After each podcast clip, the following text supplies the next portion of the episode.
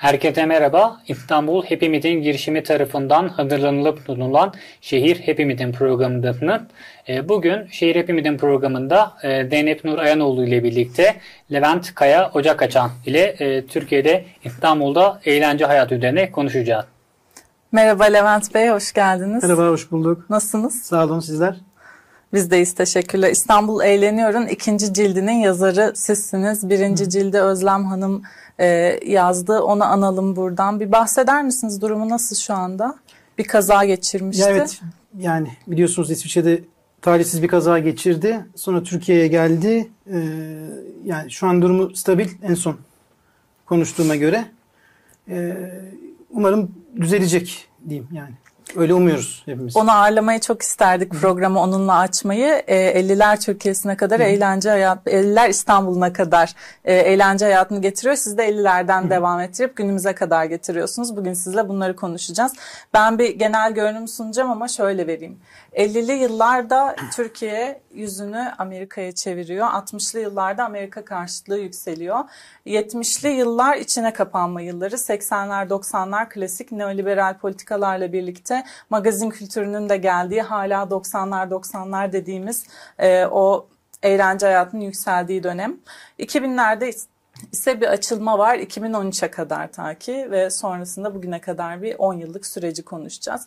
Bu genel görünüm sizin için nasıl anlatır mısınız? Yani aslında 3 aşağı 5 yukarı benim de dönemlemem böyle oldu. Yani aslında böyle kategorik ayrımları çok seven birisi değilim ama e, hem 1950'li yıllarda Sovyetler Birliği'ne karşı bu soğuk savaş döneminin açılması, Amerika'nın birazcık kültür politikalarını da diğer ülkelere pazarlamaya başlaması, özellikle Yunanistan ve Türkiye gibi Sovyetler Birliği'ne yakın olan ülkelerin de merkez olarak seçilmesi önemliydi 1950 açısından yani aslında 50'den buraya kadar getirdim. O yüzden hani 1950'lerdeki eğlence hayatı birazcık bu çerçevede şekilleniyor. Tabii Türkiye'nin kendine içkin dinamikleri de var bunda. Yani sadece bir şey Amerika'ya yüz dönmekten anladığım Türkiye'nin kendi dinamikleri yok demek değil. Yani bir Türk sanat müziği hikayesi var.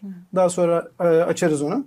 1960'larda birazcık hem dünyadaki anti-Amerika e, şeyinin artması, gösterilerin artması, daha sonra Vietnam Savaşı gelecek, işte 68 kuşağının Amerika'daki eylemleri o da haliyle Türkiye'yi etkileyecek. Bir de 60'lı yıllarda Türkiye'nin Kıbrıs'la olan ilişkilerinden olan problemler var. 64'te bunlar pasaport iptalleriyle sonuçlanacak. Yani burada yaşayan Rumların pasaport iptalleriyle sonuçlanacak.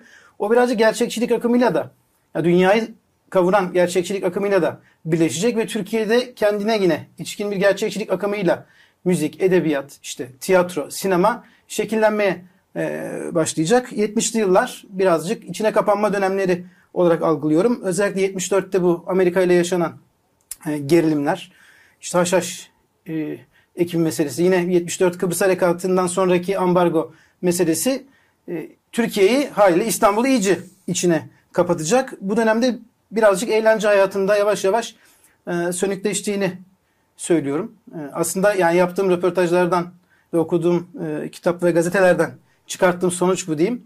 E, 80'ler zaten Türkiye'ye bir darbe yani ah, hepsinde darbemiz var. 60, 70, 80'de ama 80'de çok ciddi bir kırılma yaşayacağız ve neoliberal politikalara direkt entegre olmaya başlayacağız. 80'den sonrası özellikle 80'lerin ikinci yarısından sonra e, yavaş yavaş açılmaya başlayacak şehir. 89'da Sosyal Demokratlar seçimi kazanacak. Orada ciddi bir rahatlama başlayacak. Daha sonra işte Dalan'ın yaptığı düzenlemeler, Beyoğlu'nun dönüştürülmeye başlaması, e, Güneydoğu meselesinin yani Kürt meselesinin e, hızlanarak e, yükselmesi, e, eğlence hayatını da haliyle doğrudan etkileyecek. İstanbul eğlence hayatıyla da ilintisi olduğunu e, düşünüyorum. O romantize edilen 90'lar hikayesinin de daha sonra üzerinde dururuz. E, birazcık ilintili olduğunu da düşünüyorum. Ondan sonra 2000'leri de e, 2002'den 2011'e kadar diyeyim e, İstanbul'un finans kapital olarak örgütlenmesi yani haliyle hep daha önce de öyleydi ama 2002'den sonra özellikle İstanbul ciddi bir finans merkezi olarak örgütlenmeye başladı ve kontrolsüz bir sermaye girişi olduğunu düşünüyorum. Bunun eğlence hayatını da ciddi anlamda tetiklediğini, işte konserden konsere koşuyorduk, e, tiyatrolar açıldı vesaire vesaire sağa sola koşturuyorduk. Ee, ne kadar olumlu buluyorum bulmuyorum e, tartışılır. Ona da daha e, sonra değinirim. Ama 2000'leri de birazcık böyle okumak gerektiğini düşünüyorum. Yani o finans kapitalin girmesiyle okumak gerektiğini düşünüyorum. Daha sonra da o finans kapitalin çıkışı ki Suriye Savaşı e, bunda ciddi e, etmenlerden bir tanesi olacak. 2011'de sandalye yasakları, 2013 gezi derken darbe vesaire artık İstanbul e, Beyoğlu dağılacak ve İstanbul e, eğlence hayatı da birazcık sokaklardan evlere doğru yollanacak diyebilirim kabaca. Bu ya 50'lerden bugüne kadar kabaca bir dönemleme yaparsam ama şeyi de söyleyeyim. Kitabı da zaten öyle ön sözle açtım. Bunu derken işte 70'ler içe kapını 80'ler bile böyle büyük kategorizasyonlar yapmak istemiyorum dememin sebebi de aslında o. Ee, kimle konuşsam e, en güzel gençlik, en dokunulmaz hayat herkesin o yaşadığı gençliği. Çünkü orada da fark ettiğim üzere hepimiz gençliğimizi arıyoruz. O yüzden herkesin gençliğine saygıyla demiştim. Onu bir daha söyleyeyim. Yani bu kadar büyük kategorizasyonların yanında. Ama biz 70'lerde çok eğleniyoruz, eğleniyorduk diyen de oldu. 90'lar böyle mükemmeldi diyenlere de yani tamam da e, en faili meçhullerden tutun e, terörün en ayyukta olduğu dönemlerden bir tanesi falan gibi şeyler söylemek durumunda kalıyorum. O yüzden kategorizasyonları biraz hem dünyadaki gelişmeler ve Türkiye'deki 10 yılda bir darbeleri de göz önünde alarak yaptığım eğlence hayatıyla ilgili olarak diyeyim. Zaten meseleye nereden bakarsak bakalım madalyonun bir de öteki yüzü olduğunu unutmamak gerekiyor. Çünkü Hı-hı. bu kadar parlak hikayelerin arka taraflarında muhakkak bir takım acı hadneler oluyor. 50'lerden 60'lardan bahsederken de işte buradaki Kıbrıs olayı, 6-7 olayları gibi birçok üzerine durması gereken de mesele var. Şimdi genel bir panorama çizerken aslında e, aynı zamanda eğlence hayatının e, siyaset ile politik dinamiklerle ne derece ilintili ve ilişkili olduğunu da biraz ifade etmiş olduğunun. E, Türkiye politik anlamda, siyasi anlamda 50'lerden bugüne birçok hadise atlattı, darbeler atlattı, askeri operasyonlar atlattı. Ülke içerisinde veya ülke sınırları ötesinde birçok olaya, vakaya, savaşa müdahil olma durumu atlattı. Bu ve bunların hepsi olumlu veya olumsuz bir şekilde İstanbul'da da Türkiye'de de eğlence hayatına e, muhakkak etki etti. Peki bu anlamda ki bunu burada şunu da belirtmek gerekir ki bu zaten aşağı yukarı bütün toplumlarda, bütün ülkelerde böyledir ki bizde de bu yeni bir mesele değil. Osmanlı'ya gittiğimde de işte Rus Harbi'ne baktığımda da Kırım Harbi'ne baktığımda da Trabzonspor cephesine baktığımda da bunların aslında e, topluma, ülkeye etkilerinden söz etmek mümkün. Peki genel bir başlık etrafında da bunu değerlendirebiliriz. Özel olarak da değerlendirebiliriz. Türkiye'deki e, siyasi meseleler, politik olaylar, eğlence kültürünü, eğlence hayatını ne derece ve nasıl etkilemiştir? E, bahsettiğin Kırım Harbi çok önemli. Oraya kadar gitmeyeceğim kitabın çerçevesini hani de kalacağım ama 56'dan sonra İstanbul'a olan göçler haliyle eğlence hayatında da ciddi anlamda değişiklik yaratacak. İstanbul'daki zaten Beyoğlu 19. yüzyılın başında hareketlenmeye başladı ama ikinci yarısından itibaren daha da yani yapılaşmaya başlanacak. İşte yangınlar, 30 70 yangınları tekrardan imar, işte elçilikler, sefaretlerin orada olması yeni bir hayat e, yaratacak. E, işgal dönemi yine aynı şekilde yani İstanbul'un en eğlenceli zamanı herhalde işgal dönemidir. Bu işgal iyi olduğu anlamına tabii gelmiyor. Onu demek istemiyorum ama yedi can burada. Yani Amerikalılar gelmiş. E, işte caz daha Amerika'da çıktığı anda gelmiş. Caz bar açılıyor şeyde. E, Stella. E, bugün Güney Restoran taraflarında. E, sonra Maxim açılacak. Aklınıza gelebilecek her şey geliyor. E, ya politikayla vesaireyle e, doğrudan ilintili bir meseleden neticede bahsediyoruz. Yani 60 darbesinden Sonra 62 yılında Müzisyenler Sendikası işte çalan gruplardan bir tanesinin Türk olmasını e, şart koşuyor. Çünkü o güne kadar zaten müzik yapanların çoğu gayrimüslimler. E bu haliyle e, kademeli olarak şeyi de getiriyor beraberinde. Türkleşmeyi vesaire. Bir de hani böyle kategorizasyonlarda biz genellikle millet olarak da öyle anlıyoruz yani. Amerika'da biri böyle yaptığı zaman sanki burada bir aa falan öyle olmuyor yani. Buranın dinamikleri de var. Buranın kendine ilişkin dinamikleri var. Yani ne bileyim işte 60'ta darbe oluyor. Kıbrıs meselesi yüzünden ara geriliyor. 64'te pasaport iptalleri geliyor. İşte müzisyenler sendikası dediğim gibi e, Türk e, barındırma hikayesini çıkartıyor. E ondan sonra altı mikrofon vesaire düzenleniyor. Anadolu Pop diye bir şey. E, 65'lerden sonra karşımıza ki ismini daha sonra 70'te şey koyacak ama Taner Öngür koyacak ama böyle bir hikaye çıkıyor. Buradan şöyle bir sonuç çıkmaz yani. Bu şey gibi oluyor yani. Amerika Türkiye'de Anadolu Pop'u yarattı gibi bir sonuç çıkartmak mümkün değil ama Türkiye'nin kendine içkin dinamikleri, göç meselesi, Kıbrıs'ta olan problem, Amerika'nın kendi orta sınıfını bir daha örgütlerken yurt, kendi dışındaki ülkelere pazarlamaya çalıştığı kültür e, bir bakıma diğer ülkelerde de vücut buluyor. Bizde de buluyor. Her zaman buldu. Yani ama bunu dediğim gibi şey hani e, birebir müdahale ederek vesaire değil de hem dünyadaki gelişmeler hem kendinin bize içkin dinamiklerimiz belirli anlamlarda yeni bir kültürel yapılanma karşımıza çıkartıyor. 60 bunun net örneklerinden bir tanesi diyebilirim. E 70'lerde gelecek büyük göç dalgası, sokaklardaki kaos, her yer Beyoğlu pavyonlara e, dönüşüyor. E maddi kriz var. Gazinolar kapanmak durumunda kalıyor 70'li yılların sonlarında. E büyük orkestrasyon bekleyemiyorsunuz. Bir tane ork koyun. E başlıyorsunuz Ahmet Beyler de gelmişler taverna. Ondan sonra 80'li yıllarda tavernalar karşımıza çıkıyor vesaire vesaire. Yani politika neresine derseniz her yerinde. 90'lı yıllara bakacak olursanız yani orada da ne derin devlet mi diyeyim ne diyeyim. E, onların çok müdahil olduğu bir e, hegemonyayla karşılaştık yani belirli bir dönem ki o da şeyle ilintili yani o Türkiye'deki savaş meselesiyle terör meselesiyle doğrudan ilintili oldu. Yani o yüzden direkt göbeğinde politika bu e, eğlence işlerinin. Hem dünyadaki konjektürel durum hem Türkiye'nin kendisine e, içkin yaşadığı olaylar diyeyim. Bu sosyopolitik okumaları yaparken peki kitabın yöntemini nasıl belirlediniz? Mesela kimlerle görüşmeniz gerekti? Hı hı. Eğlence sektöründen kişilerin yanı sıra müzisyenlerin şahsının yanı sıra kimlere kimlere gittiniz? Neler neler okudunuz? Yani bir kere bir gazete ve dergi taraması zaten oldukça fazla yapıldı. Onun haricinde de e, görüşmeler yaptığımız işte müzisyenler var, sinemacılar var, tiyatrocular var. Onun yanında ne bileyim bir, bir gazinoda çalışan garson var, Hı. komi var ya da eğlence mekanlarına giden birileri var. Aslında yani yola çıkarken şeyi düşünmedim ama kafam öyle çalışmıyor. Ha, daha daha çok bunun tüketim mi nasıldı ve nasıl eğlendik falan gibi bakacakken yine sosyopolitik dönüşümler vesaireler e, karşıma geldi. Çünkü işin içinde yani birazcık aslında e, nasıl eğleniyorduk? Zaten kitabın adı da İstanbul eğleniyor. Nasıl eğleniyorduk diye yola çıkıp birazcık sosyopolitik meselelerle eğlence hayatımızın da nasıl şekillendiği gibi bir durumla aslında karşılaşmış olduk. Çünkü birbirinden e, ayıramıyorsunuz.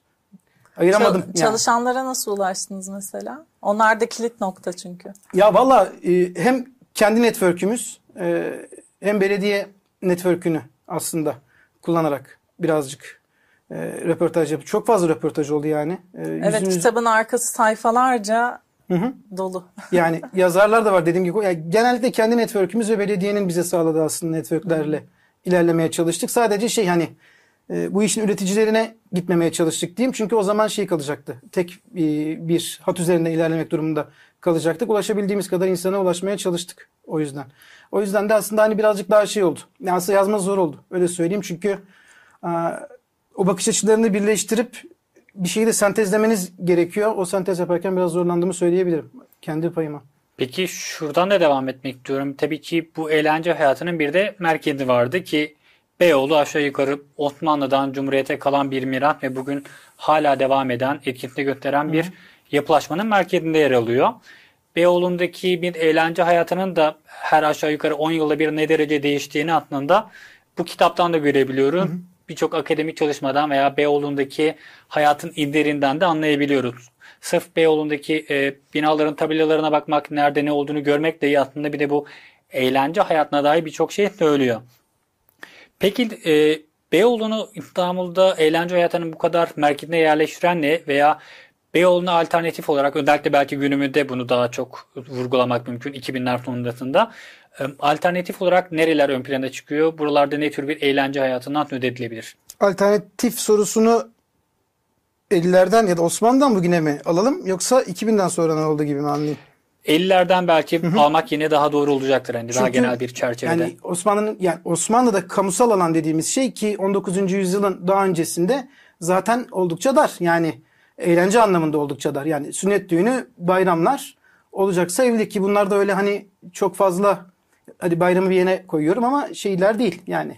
Örnekleri olan toplantılar değil aslında. Değil yani işte 3. Mehmet'in sünnet düğünü bunlardan bahsedebiliriz. Oradaki alaylardan vesaire bahsedebiliriz.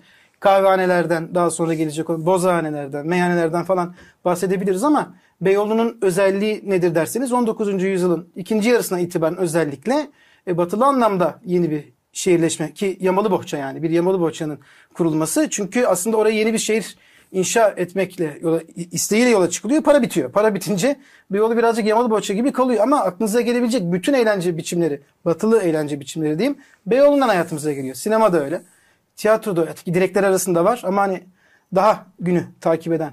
Batılı işte, anlamda en azından tiyatro, ya, tiyatro salonları. Işte, yani birçok hani ilk sinema gösteriminden tutun işte hani tangoya, danslara, işte swing'e, e, ya ilk bağlama sanatçısı Maxim'de e, çıkacak ve gösteri yapacak. Yani aklımıza gelebilecek her şey 19. yüzyılın ortalarından itibaren Beyoğlu'nda olacak. E, mut, e, bu eğlencelere katılanlar da ya elçiler, elçilerin eşleri daha üst sınıf haliyle olacaklar. Bizim direkler arası dediğimiz yani vezneciler tarafından da daha klasik eğlencelerin olduğunu söyleyebiliriz. Yani iki hat olduğunu söyleyebiliriz. Beyoğlu burada haliyle en önemli damar ve ülkenin politik e, gidişatına göre de e, yönü sürekli değişen bir yer Beyoğlu. O yüzden hani Çetin Altan şey diyor ya Türkiye lastik don gibidir çekersin uzar e, bırakırsın geri döner. Ben onu mikro düzeyde Beyoğlu için söyleyebilirim. Çünkü Beyoğlu politik e, duruma göre bir ileri gider bir geri gider diyeyim yani. O yüzden hani Beyoğlu çok önemli. Batılı eğlencenin girmesi anlamında çok önemli. E, bu caz yapma maz yapma denilen hikayelerin türemesi anlamında da önemli. Çünkü işte zenginler ona katılacak. Caz yapma diyecekler zenginlere vesaire gibi. Yani Beyoğlu eğlenceleri e, toplum tarafından ne kadar hoşnut ya bugün bile zaten sorusal hala devam ediyor ama onun bir damarı olduğunu söyleyebiliriz. Geçmişe dönüp baktığımızda Osmanlı'nın 19. yüzyılın ikinci yarısından itibaren yaşadığı serüvenine paralel olarak diyeyim. Ben kitapların açılış bölümlerine konulan başlıkları çok merak ediyorum. Her zaman o gözle bakıyorum. E, kültürel öğütücü olarak İstanbul. Kitabın ilk iç başlığı. Hı hı. E, gözümde bunu görünce İstanbul dev bir e, kıyma makinesi gibi canlandı. Devasa bir metropol. Bununla Beyoğlu bitti mi tartışmasını birleştirerek sormak istiyorum. Hı hı. Ne kadarımızı öğüttü acaba İstanbul? Şimdi ben yani kişisel olarak 1970'ten sonra İstanbul'un dönüştürme gücünü kaybettiğini düşünüyorum. iflas ettiğini düşünüyorum. İstibdat haddini aşıp bir köye dönüştüğünü düşünüyorum. Hem kamusal hizmetin ulaşması anlamında hem şehir anlamında İstanbul'un bunu kaybettiğini düşünüyorum. Ama İstanbul çok önemli çünkü imparatorluk başkentleri özellikle bütün sermaye türlerinin yoğunlaştığı yerler oluyorlar. Yani e, kültürel, ekonomik ve sosyal sermayeler imparatorluk başkentlerinde birleşir, birikirler.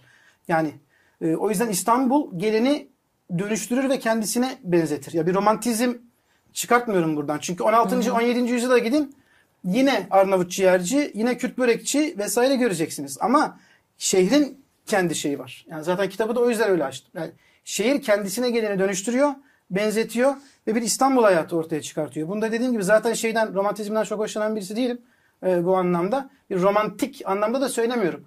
Ama bu özelliği 1970'lere gelindiğinde artık İstanbul'un kalmıyor. Yani o kıyma makinesinden çok öğütme derken geleni benzetip kendi içerisinde bir şey yaratma aslında. Kültürel öğütücüden kastım. Yoksa şey değil yani sıradanlaştırıp bir torna tesviyeye sokup aynı hizada e, insan çıkartan bir yer değil. Sadece çeşitliliğiyle, çok katmanlılığıyla e, önemli bir başkent. Yani dünyanın en önemli başkentlerinden bir tanesi ve yarattığı bir kültürel yaşam var. Eğlence de bunun en önemli ayaklarından haliyle bir tanesi. Ben bunun 70'lere kadar sürdüğünü ve 70 den sonra yani sembolize edeceksek belki bir 64'e götürüp artık Rumların tamamen gitmesiyle birlikte eğlence hayatının tamamen Türkleştiğini söyleyebiliriz ama 70'lerde İstanbul'un iflas ettiğini açıkçası düşünüyorum. Yani o dönüştürme misyonunu da kaybettiğini düşünüyorum. Şeyden de belki izleyebiliriz bilmiyorum. Yani e, İbrahim Tatlıses filmlerine bakarsanız e, 70 sonları 80 başı diyelim hep İstanbul Türkçesi dublajıyla konuşurken ondan sonra o dublajlar ortadan birden kalkıyor ve e, kendi şey ya bunda şey anlamında söylemiyorum yani. Durum tespiti anlamında iyi kötü vesaire bir şey dediğim yok ama sadece durum bu. Artık bir İstanbulluluktan e, bahsedemiyoruz. Bugüne gelecek olursanız Beyoğlu özelinde e, yani 2000 ve sonrası diye belki açabilirim e, dediğinizi. Çünkü dediğim gibi 2000 yani aslında belki şöyle yapmak da daha faydalı. Yani 1980'den de darbeden sonra büyük bir kesim cezaevine girdi ülkede. Ee, ve kimlik politikaları dünyanın her yerinde daha fazla görünür olmaya başladılar. Bu da önemli değişimlerden bir tanesi. Çünkü ben hani e, kızdırmayayım çok insanı ama 1980'lerden önce kimlik politikalarının da sınıfsal politika içerisinde yürüdüğünü düşünüyorum. 1980'lerden sonra kimlikler daha fazla öne çıktı. Bunlardan niye bahsediyorum? Çünkü bizim özgün müzik dediğimiz ya da türkü barların açılma süreci birazcık e, buna da paralel gitti. Hem kimlik politikalarının birazcık öne çıkmasıyla oldu. Birazcık da şeyle e, yani ciddi bir kesim cezaevindeydi. Sonra çıkıldı. E, varoşlara kamusal hizmet götürülmedi. İşte Ahmet Kaya o fenomenlerden bir tanesidir. Yani e, o dönemin yarattığı önemli isimlerden bir tanesidir. E 1989'da dediğim gibi sosyal demokratlar kazandığında birazcık daha o Özal'dan sonraki neoliberal politikalardan ve bas şey döneminden sonra biraz daha rahatladı. E Beyoğlu'ndaki o pavyonlar 70'lerden kalan 80'lere devrolan pavyonlar yavaş yavaş dönüştürülmeye başladılar. E, rock barlara e, dönüştü bunların birçoğu. İşte Kemancı Galata Köprüsü yıkılınca yukarı doğru çıktı. E, işte Haydar'dır vesairedir diğerleri açılmaya başladı. İşte birhanelerin arasından geçen uzun saçlı siyah giyimli erkekler işte mini etekli kızlar falan. E, hatırlıyor musunuz bilmiyorum ama bir dönem Akmar falan Kadıköy özelinde işte satanist ayinleri vesaire gibi her gün basının gündemindeydi yani onlarla e, bir dönem cebelleştik. Doğru 90'larla itibaren dönüştürülmeye başladığı zaman mekanlar görece bir rahatlama yaşandı. O kemancı başta olmak üzere 90'lardaki o çılgın eğlenceyi birazcık şeyle de okumak gerekiyor. Yani o görece rahatlama doğuda problem artarken İstanbul'da birazcık görece rahatlama yaşanıyordu. Bunun aslında birazcık şey olduğu söylenebilir mi bilmiyorum yani. Orayı yani birazcık da kamusal alanı rahatlatmak için böyle bir dönüşüm yaşandığı bir ileri sürebilir miyim? Yani tartışılır. Yani ucu açık Plastik bir, şey. bir gündem miydi peki satanist gündemi vesaire? Çünkü Satanist- benim çocukluğumda televizyonlarda epeyce olan bir şeydi böyle. Tuhaf bir algı yani ne kadar yoğunluk ki gençler arasında. Yani Engin Ardıç'ın çok sert bir yazısı vardır. Onunla ilgili zaten onu kitapta da e, yazdım. Yani e, aslında plastik miydi bilmiyorum ama çok yani yabancıydı diyeyim yani. Yabancı geldi ve bir anlamda e, şey kabul de edilmedi.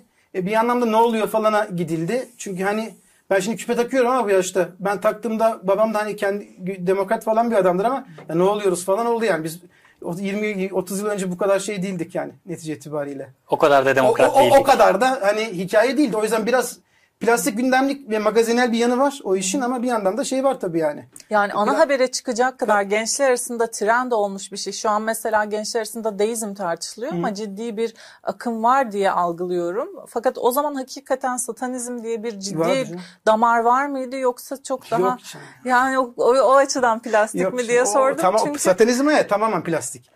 O Evet. basın gündem arıyor. Evet, evet. Ona göre bir şey yapıyor. Çünkü siyah far diye bir şey çıkmıştı ilk defa o zamanlar. Ben siyah farı kozmetikçide gördüğümde bile tüylerim diken diken olmuştu. Koşullanmayla öğreniyoruz ya bir şeyleri. Ana haber bültenlerinde bu kadar magazinel yönüyle böyle korkunç şeylerle ne deniyor ona kurgularla böyle arkaya korkutucu müziklerle falan verildikçe hakikaten bende bir çocuk olarak tepki yaratmıştı. Yaratır. Pentagramın şeytan bunun neresinde? Hani o albüm kapağı ona aslında şeydir Evet, hani. güzel e, bir biraz nazire. gönderme yapılarak Evet. yapan bir şeydir ama 89'da hani büyük barlar işte gay barlar da dahil olmak üzere Chaplin'ın e, açacağı yani gerçekten Taksim'de yeni bir yani Beyoğlu'nda yeni bir hayatın başladığını söyleyebiliriz. Yani İstiklal Caddesi dönüştürülüyor.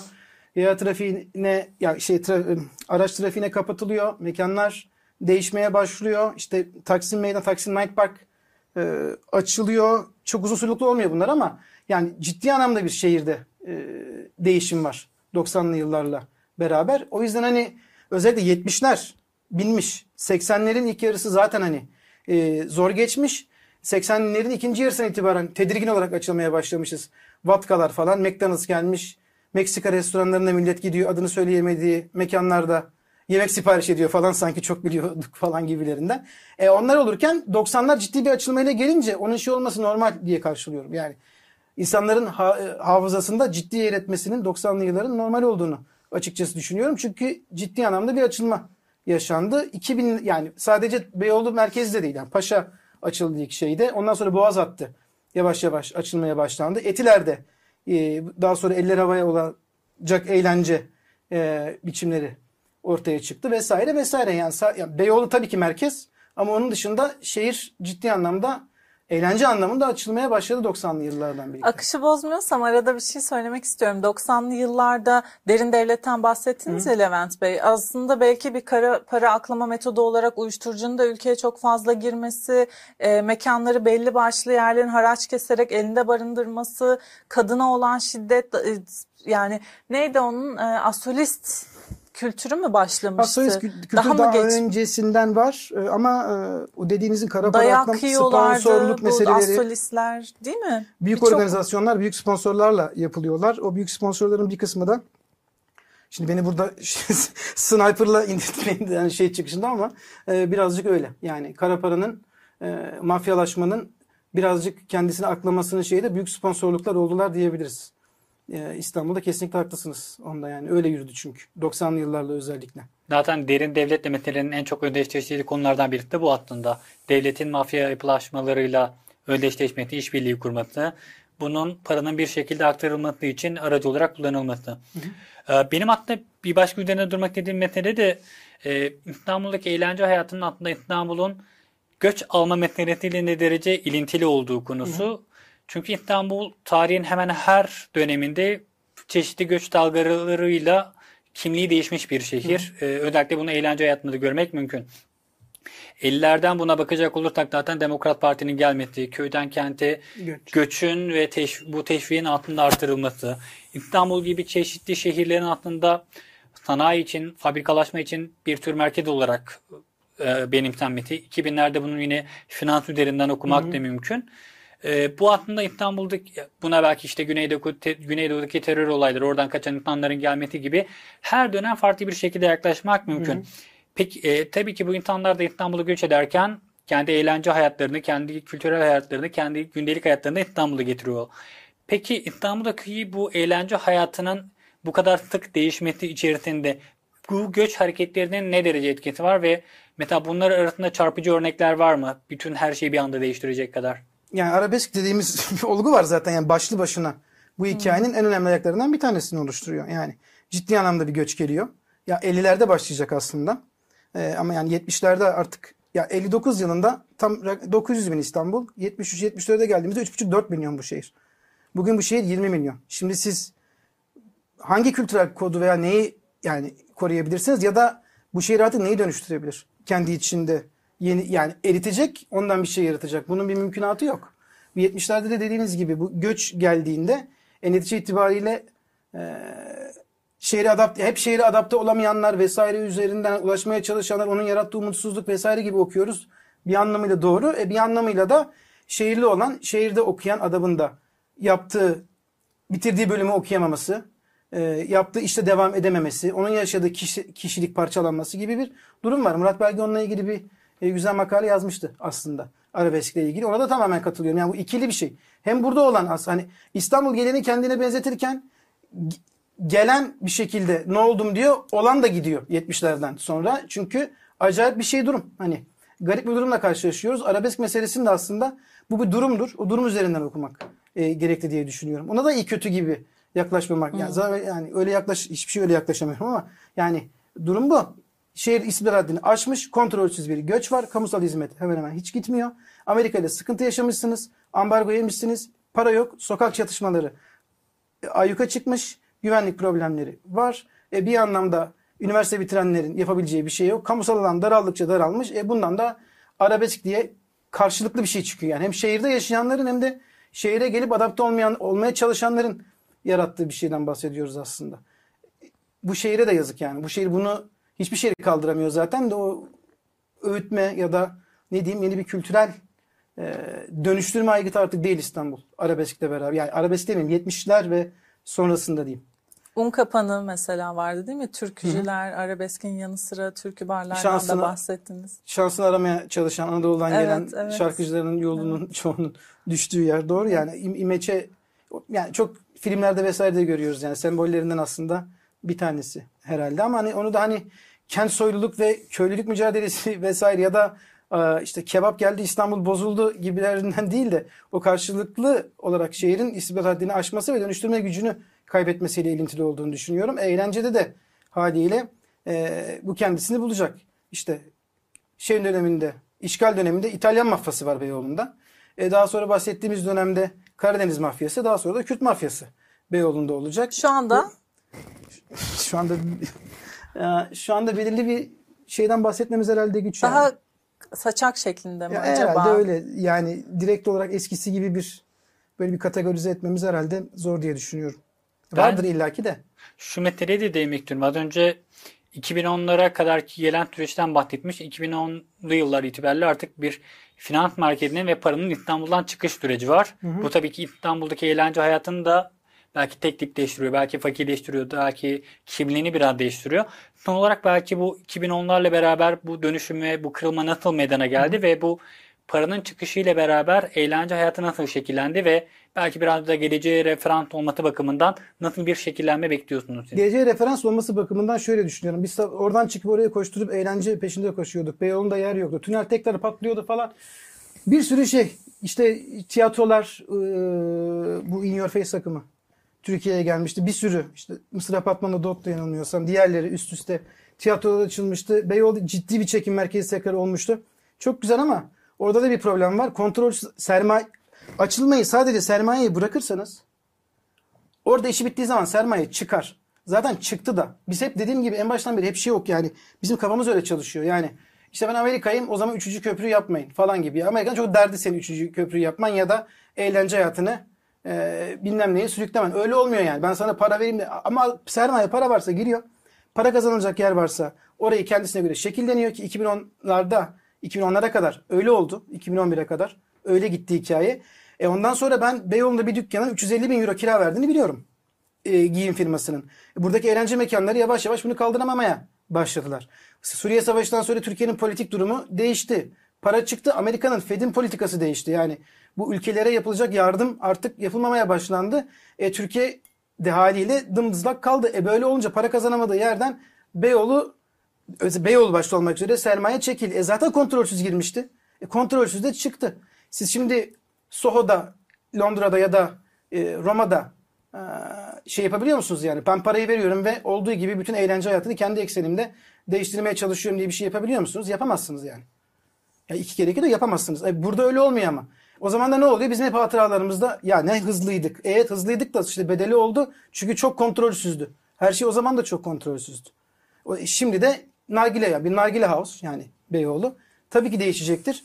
Ama bu değişimin nasıl olacağını ben önemsiyorum. Yine kontrolsüz bir şekilde sermaye girişi, a eğlenelim çılgınca falan. E ondan sonra yine aynı şey yaşanacaksa hiç yaşanmasın daha iyi diyeyim. Çünkü aynı hikaye. Yani birazcık kontrolün olması taraftarıyım. Özellikle böyle e, tarihsel eğlence alanlarında. Bu yasakçı bir adam kesinlikle değilim. Bu arada yanlış anlaşılmasın ama bu kadar kontrolsüz piyasaya açılma e, ciddi anlamda problematik yaratıyor. Yaşadık yani bir birebir yaşadık çünkü. 2009'da e, şey geldi. E, nedir adı? Kapalı yerlerde sigara içme Yasak. yasaklandı. O zaman Beyoğlu dışarı taştı. Her yer taştı. En çok Beyoğlu taştı haliyle. O da kontrolsüzdü çünkü oradaki meskun mahal alttaki Galata falan mahvoldu. Alttaki mekanlar mahvoldu. E, 2011'de bu sefer sandalye masa toplama hikayesi geldi. E, sandalye toplanınca bu sefer alttaki meyhaneler üst katlara çıkmaya başladılar. Ya da eğlence mekanları yavaş yavaş para yüzünden çekilmeye başlandı. 2013'te zaten gezi daha sonra patlamalar üst üste Beyoğlu darma duman oldu. Artık Beyoğlu bir çekim merkezi olmaktan 2013 yani 2011'de başladı süreç. 2013 ve 2016'da zaten artık tamamen bitti. Bir de tabii şeyi de göz ardı etmeyelim. Ee, sosyal medya dediğimiz hikayenin ya da bu işte Netflix'tir vesairedir bu hikayelerin de çıkmasını göz önünde bulunduralım. Çünkü bir film festivali vesaire vardı. Oraya gidiyorduk, buluşuyorduk, iki laf ediyorduk. Ama onlar artık yavaş yavaş bu şeyin de devreye girmesiyle dev ekranların vesaire bizi de eve çekmeye başladı. E Beyoğlu dağılınca e, lokal yerlerde insanlar meyhanelere gitmeye, eğlence yerlerine gitmeye başladı. İşte şeyle Dastas var. Bir sürü tiyatro var. E, yine Beyoğlu'nda var. Devam ediyor ama diğer lokal yerlere de dağ, dağıldı bunlar. E, meyhaneler mahalle meyhanelerine e, dağıldı. E, Hayal Kahvesi bugün bir tek çıktığı yerde yok. Beyoğlu'nda yok yani. Ben de tam tiyatrolarda bıraktınız Levent Hı-hı. Bey. Oradan devam edeyim ve son soruyu sorarak Hı-hı. daha sonra programı noktalam noktalamış olalım. 2000'ler ve alternatif tiyatrolar bir nevi Netflix başlıklı bir bölümünüz var. Hı hı. E, bunu biraz açın istiyorum. Ben de e, profesyonel olarak tiyatrolarla ilgilendiğim için, iletişim danışmanlığı yaptığım için özellikle ilgimi çekiyor. Bir de Abdullah'la beraber hazırlayıp sunduğumuz iki arada başlıklı bir programımız var. Şu anda bağımsız tiyatrolarda gösterilen e, oyunların yönetmenleri ve oyuncularıyla birlikte söyleşiler yapıyoruz. Hı hı. Ve bunu önemsiyoruz ama söylediğiniz şeyi de çok net hissediyoruz. Çünkü bağımsız tiyatrolar hayatta kalma çabası Çabası veriyor ve kamusallıklarını tartışmaya açmaya çalışıyorlar. Bu anlamda Soho örneği çok güzeldi mesela eğlence hayatında. E, çılgınca bir parayla girip oradan ama canın istemediğinde de çekilmek söz konusu olmaz. Çünkü oranın dokusu var. Oraya adapte olmak zaman alır meselesindeki gibi tiyatrolarda da 2013'e kadar bir görünüm var. 2013 sonrası başka bir görünüm var. Buradaki mukayeseli olarak manzaranı ne söylüyor bize? Yani açıkçası haliyle benden daha çok içindesiniz. Bu bahsettiklerinizden yola çıkarak söylüyorum ama tiyatrolar üzerinde zaten bunlar küçük kendi kendilerini döndürebilen mekanlardı ve çok fazla alternatif vardı bir dönem. Beyoğlu ve Kadıköy'de de vardı ama Beyoğlu merkez olmak üzere ve Beyoğlu'nda ciddi bir yoğunluk vardı. Yani bir tiyatrodan bir aslında bir nevi Netflix dememin sebebi bir tiyatroya gidebiliyordunuz ya çok fazla seçeneğiniz vardı. Tiyatro anlamında da seçeneğiniz vardı. Çıkışta da işte arkadaşlarınızla gidip iki bira içip ya da ondan sonra da bir konsere gidip yani evinize dönebiliyordunuz. E şimdi kiralar yükseldi. Beyoğlu'nun zaten sosyo-kültürel yapısı ciddi anlamda değişti. Biz buluşmak için artık Beyoğlu'nda randevuleşmiyoruz. Beyoğlu, e, Öyle mi hakikaten? Çünkü biz Benim hala için- Beyoğlu'ndayız E, yani. ben- Biz hep Beyoğlu'ndayız. ben de hep Nasıl bu? Ben de hep Beyoğlu'ndayım. Çok anlamıyorum bu kısmını. Gerçekten tartışmaya açmak istiyorum. Beyoğlu bitti mi? Bitti yani bitti ne anlamda bitti? Hani Buluşmuyor muyuz Beyoğlu'nda? ben Beyoğlu'nda buluşuyorum e, ama ben hani şey e, geçen bir yerde de dedim yani Beyoğlu'nu bırakmayın diye. Çünkü o şeydir hani Beyoğlu'ndan taşmalar Beşiktaş ve Kadıköy oldu. Ne fiziksel olarak ne tarihsel olarak öyle bir güçleri yok mekanların. Bir de şunu eklemek lazım ki Beyoğlu eve yakın. Size ya evet her yerden bir şekilde gelebildiğiniz bir yer ama Kadıköy ve Beşiktaş işte zaten taşıyamıyor ya da lokal yerler de taşıyamıyor ama evet ben de hep Beyoğlu'ndayım yani e, bugün daha işte okuldan çıktım Beyoğlu'na uğradım vesaire yani her gün İstanbul'da olduğum 7 günün 5 günü bir şekilde Beyoğlu'nda. Evet çünkü. Beyoğlu bitti diyen insanlara diyorum ki ben hep oradayım. Siz de gelin Ama bitmesin. bizimle o bizimle biz o- daha o- o sermaye akışı. bizimle ilgili. Çünkü siz de işte sanat vesaire işleriyle ilgileniyorsunuz. O hala bir şekilde Beyoğlu'nda e, varlığını sürdürüyor ama buluşmak için merkez olma e, hüviyetini kaybetti Beyoğlu. Yani ne tiyatro için tam var işte AKM yeniden yapıldı. Gidiliyor ediliyor vesaire ama o eskisi gibi değil hikaye. Ya kimse gitmiyor. Ben kimle konuşsam mesela e, ben şimdi e, tam tersini söyleyeceğim. Akaya Beyoğlu'nda ne yapıyorsun? Hala Beyoğlu'na nasıl gidiyorsun? Gerçekten. Aa, her- tabii çok fazla yani hemen hemen konuştuğum insanların %90'ından bu cevapları alıyorum. E, ama değişecektir yine değişecektir yani. O Taksim Meydanı o halinden çıktığı zaman e, yine Beyoğlu değişecektir diye düşünüyorum. Ama dediğim gibi nasıl olur nasıl- e, o çok uzun bir şey hani e, tartışma. Bir de yaşanan bu teknolojik gelişmeleri de hesaba katmak gerektiğini düşünüyorum onunla ilgili olarak. Ama Beyoğlu Neyi bitmez ya. kastettiniz? Ya bu sinema dediğimiz şey vesaire yani Ha, o çok ekranlar. önemli bir motordu yani. Hani e, sinema günleri tamam zaten öyleydi ama onun haricinde de Beyoğlu'na sinemaya gitmek, bir şey içmek, işte yani İmroz gitti şeyde yani bir sürü Yakup şey, um, Refik zaten vefat ettikten sonra götüremedi. Yani bir sürü mekan e, zaten gitti. Onun haricinde bir çekim merkezi değil artık. Ama olacak. 70'lerde de değildi bir şekilde. Bugün de değil. E, bundan sonra olacaktır. Tabii şey diyebilirsiniz yani. Şunu deseniz olabilir. Bizim için değil de hala bir sürü insan var yani Beyoğlu'na giden. Onlar da eskiden bizim için değildi. Şimdi ne güzel nar- nargile içiyoruz. E, baştan aşağı nargile house e, diyebilirler. Ona da e, pek bir şey diyemem ama Bir de çatı katlarında gerçekleşen lazer şovu, Şovlar, çılgın gece gece. kulüpleri var. Önünde hanutçular bekliyor. Evet. Gelin gelin gelin yapıyorlar. O da ayrı mesele. ben e, şey profesyonel rehberlik de yapıyorum. Gelen müşterilere de diyorum sakın yani Kendinizi bazen- orada bulmayın sakın. Evet çünkü bazen hepsi için değil ama bazılarından yani çocuklar insanları böyle 5000 dolarlık yapıp yolluyorlar yani. Hani dediğim gibi ama bence de çekim benim için hala çekim merkezi. Çünkü Kadıköy Beşiktaş'ta hani onu o atmosferi bulamıyorum yani. O 200 yılda oluşmuş bir hikayeden bahsediyoruz Beyoğlu derken. Ciddi bir sermaye birikimi var. Kendi Beyoğlu'nun yarattığı ciddi bir sermaye birikimi var. Bir de fiziksel olarak da kapasitesi daha yüksek.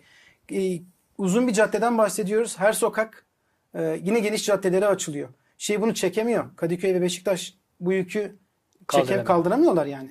Öyle bir güçleri yok fiziksel olarak. Bir de hani gidin bir mekan bulun hani 150 yıllık bir mekan bulmak, 100 yıllık bir mekan bulmak hayli zor oralara gittiğiniz zaman. Mimari olarak sundukları da çok, Çok- başka tabii ki. Ya burada da bir Kadıköy'ü sevmiyorum, Beşiktaş'ı sevmiyorum. Öyle bir şey demiyorum. Öyle bir sonuç çıkmasın ama bir Beyoğlu başka bir şey. Yani özellikle e- eğlencenin dinamosu olması anlamında bambaşka bir şey. Ya bugünkü gençler maalesef onu şu anda yaşayamıyorlar. Çok teşekkür ederiz Levent Bey. Bizi Ben- kırmadınız. Rica ederim ne demek. Ben teşekkür ederim çağırdığınız Bu için. konu çok konuşulacak bir konu. Çok ilginç şeyler söylüyorsunuz zaten. Tempolu, tempolu güzel bir program oldu. Çok teşekkür Ben ederiz. teşekkür ederim çağırdığınız için. Görüşmek Çok üzere. teşekkürler. Sağ olun. Çok sağ olun. İstanbul Hepimizin e, girişiminin sunduğu Şehir Hepimizin programının sonuna geldik. Bir sonraki bölümde görüşmek üzere. Hoşçakalın.